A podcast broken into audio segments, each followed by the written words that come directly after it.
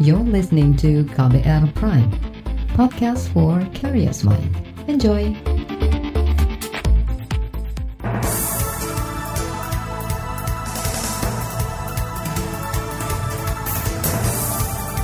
Selamat pagi saudara, kembali kami menemani Anda pagi hari ini dengan sejumlah informasi pilihan di Buletin Pagi. Saya Eka Juli. Dan saya Don Brady, kami telah menyiapkan sejumlah informasi terkini di antaranya pasien positif COVID-19 di Indonesia bertambah jadi enam. Pagi ini, aksi Gejayan memanggil tolak Omnibus Law Cipta Kerja di Yogyakarta. Kerugian akibat banjir bandang di Bolaang, Mongondo ditaksir miliar, miliaran rupiah. Inilah selengkapnya Buletin Pagi KBR. Terbaru di Buletin Pagi.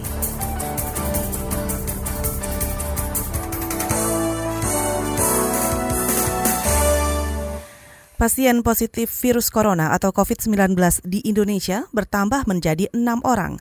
Juru bicara pemerintah untuk penanganan COVID-19 Ahmad Yuryanto mengatakan, tambahan dua orang lagi itu merupakan kasus 05 dan 06. Kasus 05 merupakan hasil pemeriksaan lanjutan dari penelusuran kasus 01. Kasus 05 adalah pria berusia 55 tahun, sedangkan kasus 06 merupakan anak buah kapal pesiar Diamond Princess. Ia tertular ketika bekerja sebagai kru kapal pesiar di Jepang.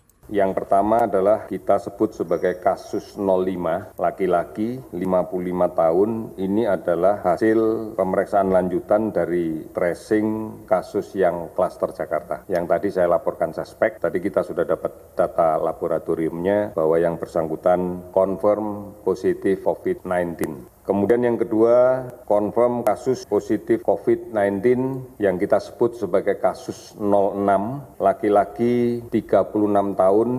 Juru bicara pemerintah untuk penanganan COVID-19 Ahmad Yuryanto juga mengklaim kondisi kedua pasien baru positif COVID-19 itu dalam keadaan baik, tidak membutuhkan alat bantu pernafasan, tidak diimbus, sadar penuh, tidak demam, dan juga tidak batuk pilek. Keduanya masing-masing dirawat di Rumah Sakit Penyakit Infeksi Sulianti Saroso Jakarta Utara dan Rumah Sakit Umum Pusat Persahabatan Jakarta Timur. Total jumlah orang yang diduga terjangkit COVID-19 mencapai 23 orang. Sementara itu Kementerian Luar Negeri terus memantau puluhan WNI yang menjadi ABK kapal pesiar Grand Princess di Amerika Serikat. Pemantauan dilakukan lantaran ada 21 orang dari 3.500-an orang di kapal tersebut yang positif COVID-19. Menteri Luar Negeri Retno Marsudi mengklaim puluhan ABK yang ada di kapal itu dalam kondisi sehat. Kami dari Kementerian Luar Negeri beserta tim seluruhnya yang ada di dalam dan di luar sedang mengamati perkembangan yang terjadi pada kapal Grand Princess Cruise yang ada di San Francisco. Nah, di situ terdapat 57 ABK WNI yang bekerja pada kapal tersebut. Saya terus komunikasi dengan tim yang ada di Amerika. Sejauh ini pantauan kita 57 dalam kondisi sehat. Menlu Retno Marsudi mengatakan Kementerian Luar Negeri terus berkoordinasi dengan Organisasi Kesehatan Dunia atau WHO untuk mengetahui tren dunia terkait COVID-19 termasuk perkembangan kasus di tiap-tiap negara dan inovasi penanganannya. Selain itu, ia mengklaim angka kesembuhan warga negara Indonesia yang terinfeksi COVID-19 cukup tinggi. Saudara Kedutaan Besar Republik Indonesia di Italia mengimbau seribuan lebih WNI yang ada di sana untuk tenang. Imbauan dilakukan pasca pemerintah setempat menutup kawasan utara Italia untuk menekan penyebaran COVID-19 atau virus corona. Wilayah itu antara lain di Venesia dan Modena. WNI diminta mengikuti aturan yang ditetapkan Kementerian Kesehatan Italia dan terus memantau informasi dari KBRI Roma. WNI dapat menghubungi posko penanganan COVID-19 di Roma, yakni di 039 338 923 4243. Di Italia, jumlah pasien tertular virus mencapai 1.200 dalam waktu 24 jam. Total sejauh ini ada hampir 6.000 orang terkena COVID-19. Di dalam negeri, saudara pemerintah bakal segera membangun rumah sakit khusus perawatan infeksi COVID-19. Lokasinya di Pulau Galang, Batam, Kepulauan Riau. Juru bicara Kementerian PUPR Indra S. Atmawijaya mengatakan pemerintah akan merenovasi rumah sakit bekas Camp Vietnam di Kelurahan Sel Jantung. Keputusan resmi soal itu akan disampaikan hari ini oleh pihak terkait. Iya, artinya kan pemerintah punya antisipasi ya ini supaya lebih sure gitu ke depan kalau memang yang kita harapkan sih enggak begitu kan. Tapi kita lebih yakin lebih firm bahwa nanti ada ada tempat untuk karantina gitu yang diisolasi di, di Galang Pulau Galang Juru bicara Kementerian PUPR Endra S. Atma Wijaya mengklaim pembangunan rumah sakit khusus perawatan infeksi COVID-19 membuktikan antisipasi pemerintah jika wabah virus corona tipe baru itu semakin masif. Endra mengklaim nantinya rumah sakit khusus COVID-19 itu akan mampu menampung hingga 1.000 pasien. Target pembangunannya diselesaikan satu bulan. Saudara pagi ini aksi Gejayan memanggil menolak Omnibus Law Cipta Kerja di Yogyakarta. Informasinya usai jeda, tetaplah bersama kami di Buletin Pagi. You're listening to KBR Pride, podcast for curious mind. Enjoy!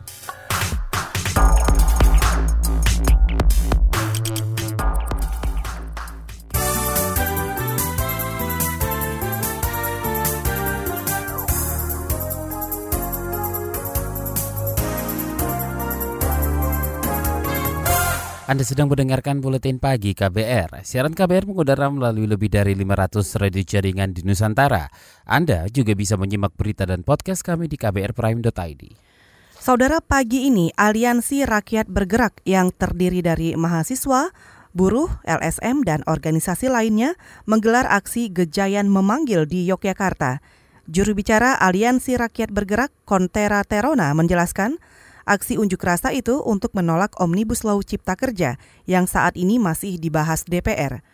Kontera mencatat ada 12 alasan menolak Omnibus Law Cipta Kerja, antara lain karena penyusunannya yang dinilai cacat prosedur dan bermasalah secara substansial masalah ini RUU 16 ini kan terbagi dari 11 klaster yaitu penyerdanaan perizinan, persyaratan investasi, tenaga kerjaan, kemudahan pemberdayaan dan perlindungan UMKM, kemudian berusaha, dukungan riset dan inovasi, administrasi pemerintahan, pengenaan sanksi, pengadaan lahan, investasi dan proyek pemerintah dan kawasan ekonomi. Nah, ada pasal-pasal seperti lingkungan itu yang bagaimana ketika merusak lingkungan tidak tidak apa dikenakan sanksi. Kemudian memang AMDAL pada pasal 111 ini Juru bicara Aliansi Rakyat Bergerak, Kontera Terona, menambahkan Omnibus Law Cipta Kerja juga bertentangan dengan putusan Mahkamah Konstitusi yang membatalkan perlakuan sejumlah ketentuan undang-undang, misalnya Undang-Undang Migas.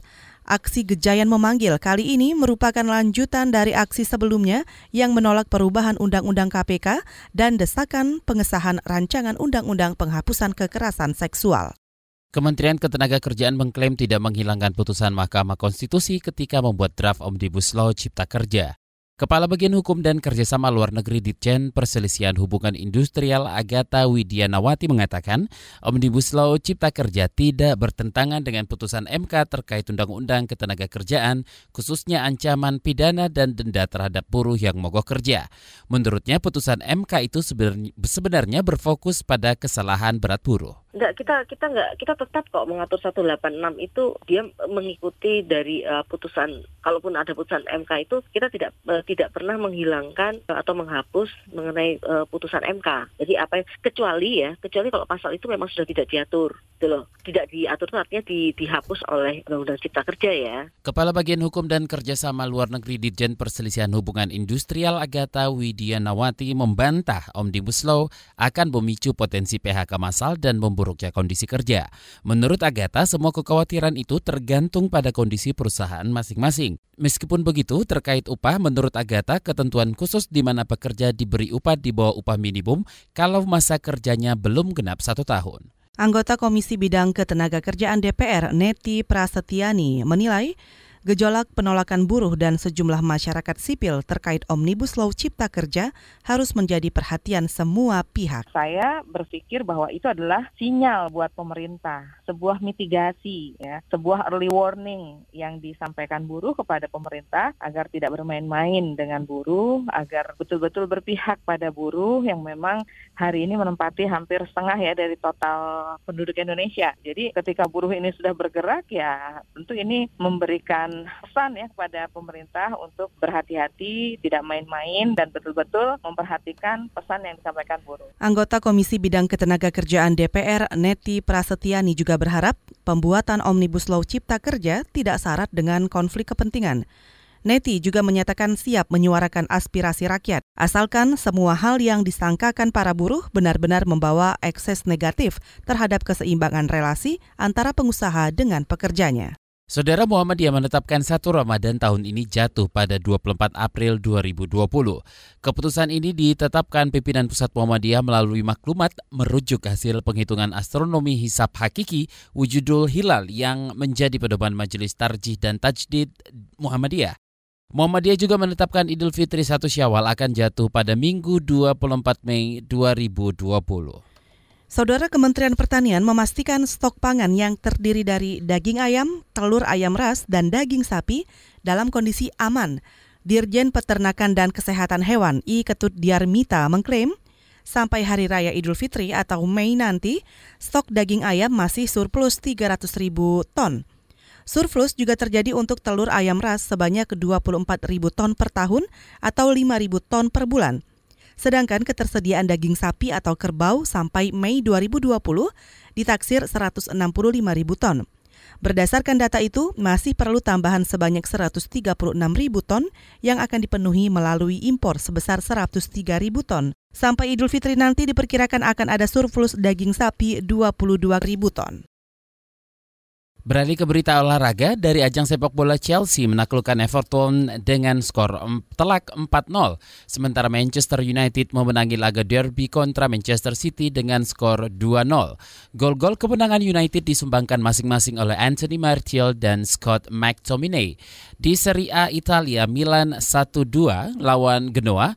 Begitu juga Parma yang kalah lawan tim tamu SPAL dengan skor 0-1. Sementara Juventus kembali merengkuh puncak klasemen sementara setelah menang 2-0 lawan Inter Milan. Di Liga Spanyol, raksasa Real Madrid tumbang 2-1 saat bertandang ke Real Betis. Saudara Saga tentang Hari Perempuan Internasional yang tahun ini mengusung tema kesetaraan, kami hadirkan sesaat lagi, tetaplah di Buletin Pagi. You're listening to KBR Pride, podcast for curious mind. Enjoy!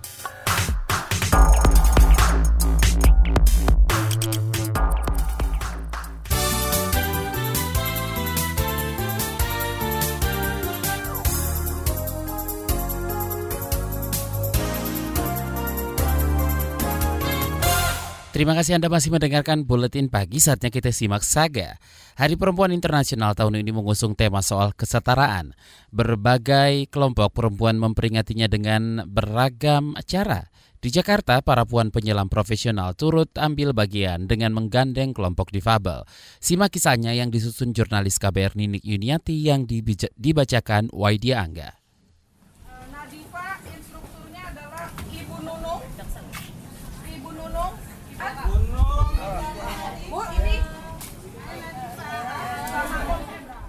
Panas terik mentari tak membuat jerah Nadifa Ramadhani untuk mencicipi pengalaman baru. Yes, mana?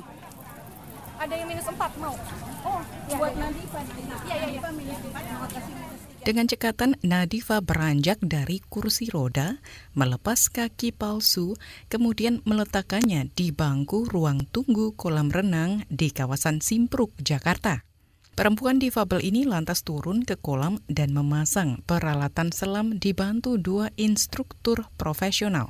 Ya, benar. Ke atas. Ya, ke belakang ya. Ya, yes. Benar sekali. Ya, yang Tak berapa lama, Nadifa mulai menyelam menyusuri dasar kolam selama 20 menit.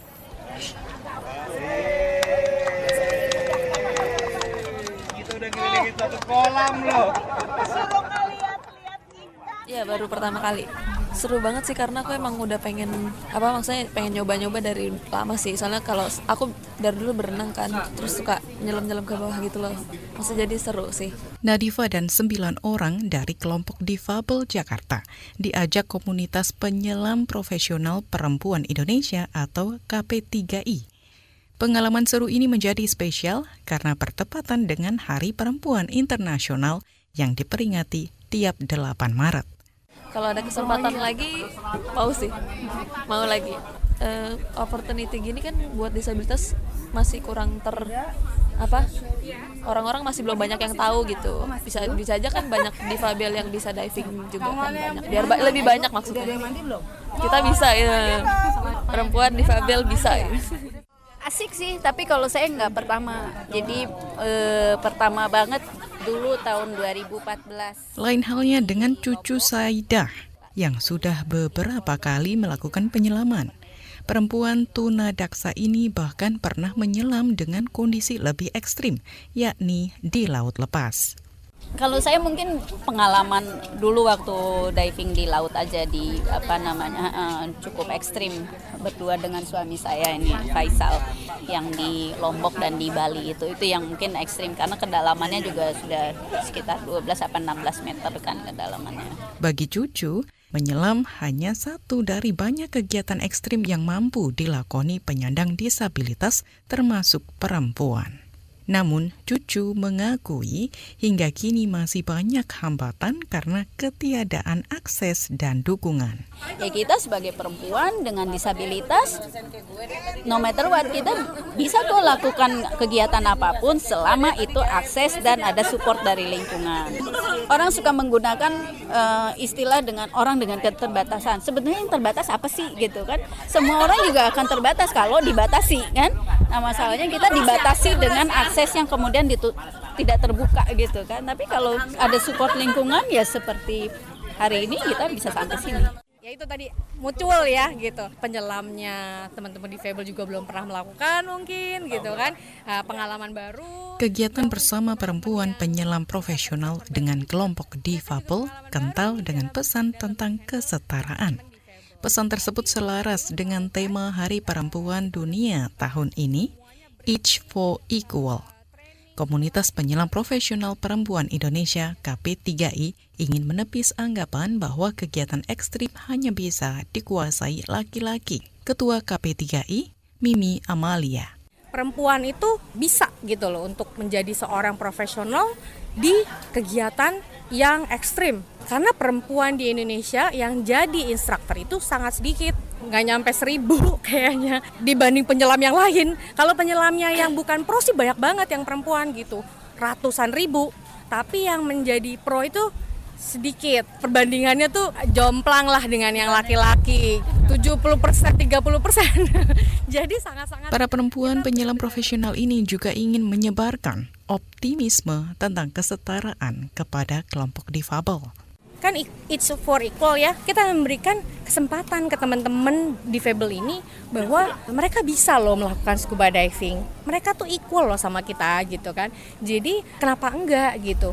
Walaupun punya keterbatasan halangan tapi mereka bisa melakukan hal-hal yang sama dengan kita. Mimi bermimpi. Suatu saat ada perempuan difabel asal Indonesia yang sukses menjadi penyelam profesional. Jika hal itu terwujud, maka akan menjadi prestasi spektakuler dan inspiratif. Wah, itu oke okay banget gitu. Kata karena itu perjalanan panjang dan susah sekali untuk menjadi maksudnya apa berat ya, bukan susah sekali, berat untuk uh, penyelam perempuan terutama perempuan aja susah gitu. Maksudnya berat untuk menjadi seorang instruktur. Apalagi kalau ada teman-teman difabel di Indonesia terutama yang berniat untuk mengambil sertifikasi sampai beliau menjadi instruktur. Itu oke okay banget gitu loh. Amazed banget sih kalau misalnya ada yang bisa jadi instruktur gitu ya dari teman-teman difabel. Ya kita sih harapan aja ya gitu. Salah satu siapa tahu. Kalau di luar sih udah banyak. Demikian saga yang disusun jurnalis KBR Ninik Yuniati. Saya Waidia Angga. Selanjutnya kami hadirkan informasi mancanegara dan daerah. Tetaplah di Buletin Pagi. You're listening to KBR Pride, podcast for curious mind. Enjoy!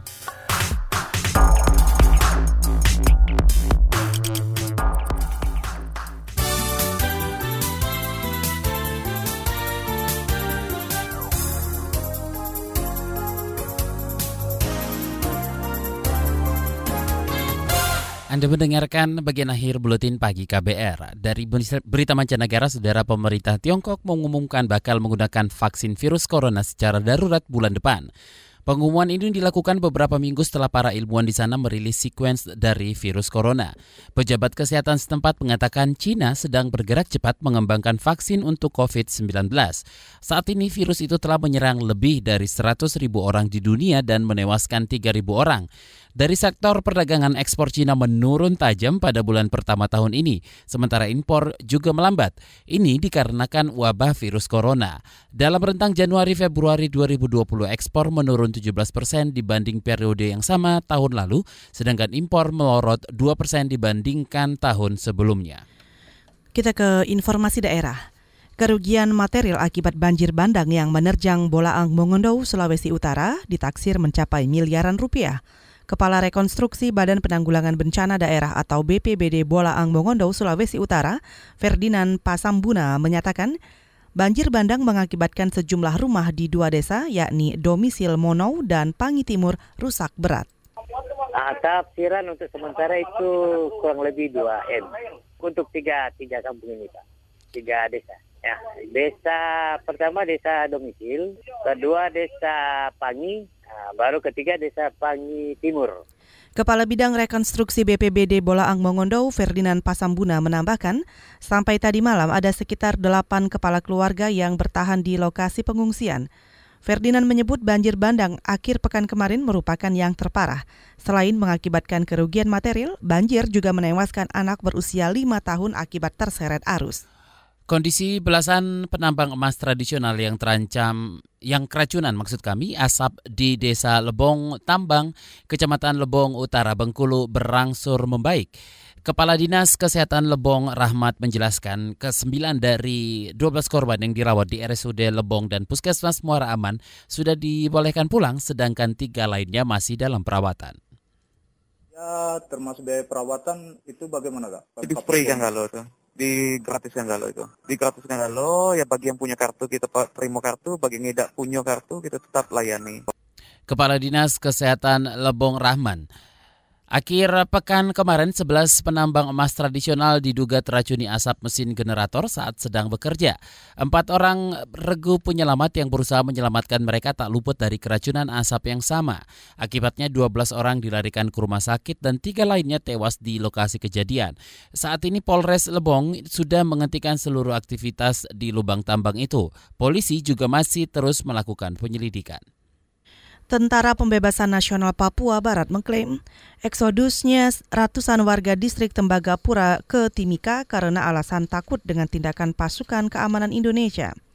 Juru bicara Tentara Pembebasan Nasional Papua Barat, Sebi Sombo mengklaim warga eksodus bukan karena takut terhadap pasukan yang dianggap sebagai kelompok kriminal bersenjata. Sebab pengalaman dari tahun ke tahun turun temurun kehadiran militer itu nanti banyak pemerkosaan, gadis-gadis, pembunuhan terhadap orang tua, anak-anak itu selalu terjadi di mana-mana di seluruh. Itu tadi juru bicara Tentara Pembebasan Nasional Papua Barat, Sebi Sambom. Sementara itu Wakil Bupati Mimika Johannes Retop menyebut warga Tembagapura yang minta dievakuasi ke Timika berasal dari Kampung Banti 1, Banti 2, Opitawak dan Kimbeli. Warga meminta dievakuasi karena kesulitan mendapatkan bahan pokok sejak kehadiran kelompok kriminal yang bersenjata di wilayah mereka. Saudara serangkaian berita mancanegara dan daerah tadi mengakhiri buletin pagi KBR hari ini. Simak terus informasi terbaru melalui kabar baru situs kbr.id, Twitter kami di akun berita KB, at berita KBR dan podcast di kbrprime.id. Saya Don Brady. Saya Eka Juli, kami undur diri. Salam. Salam.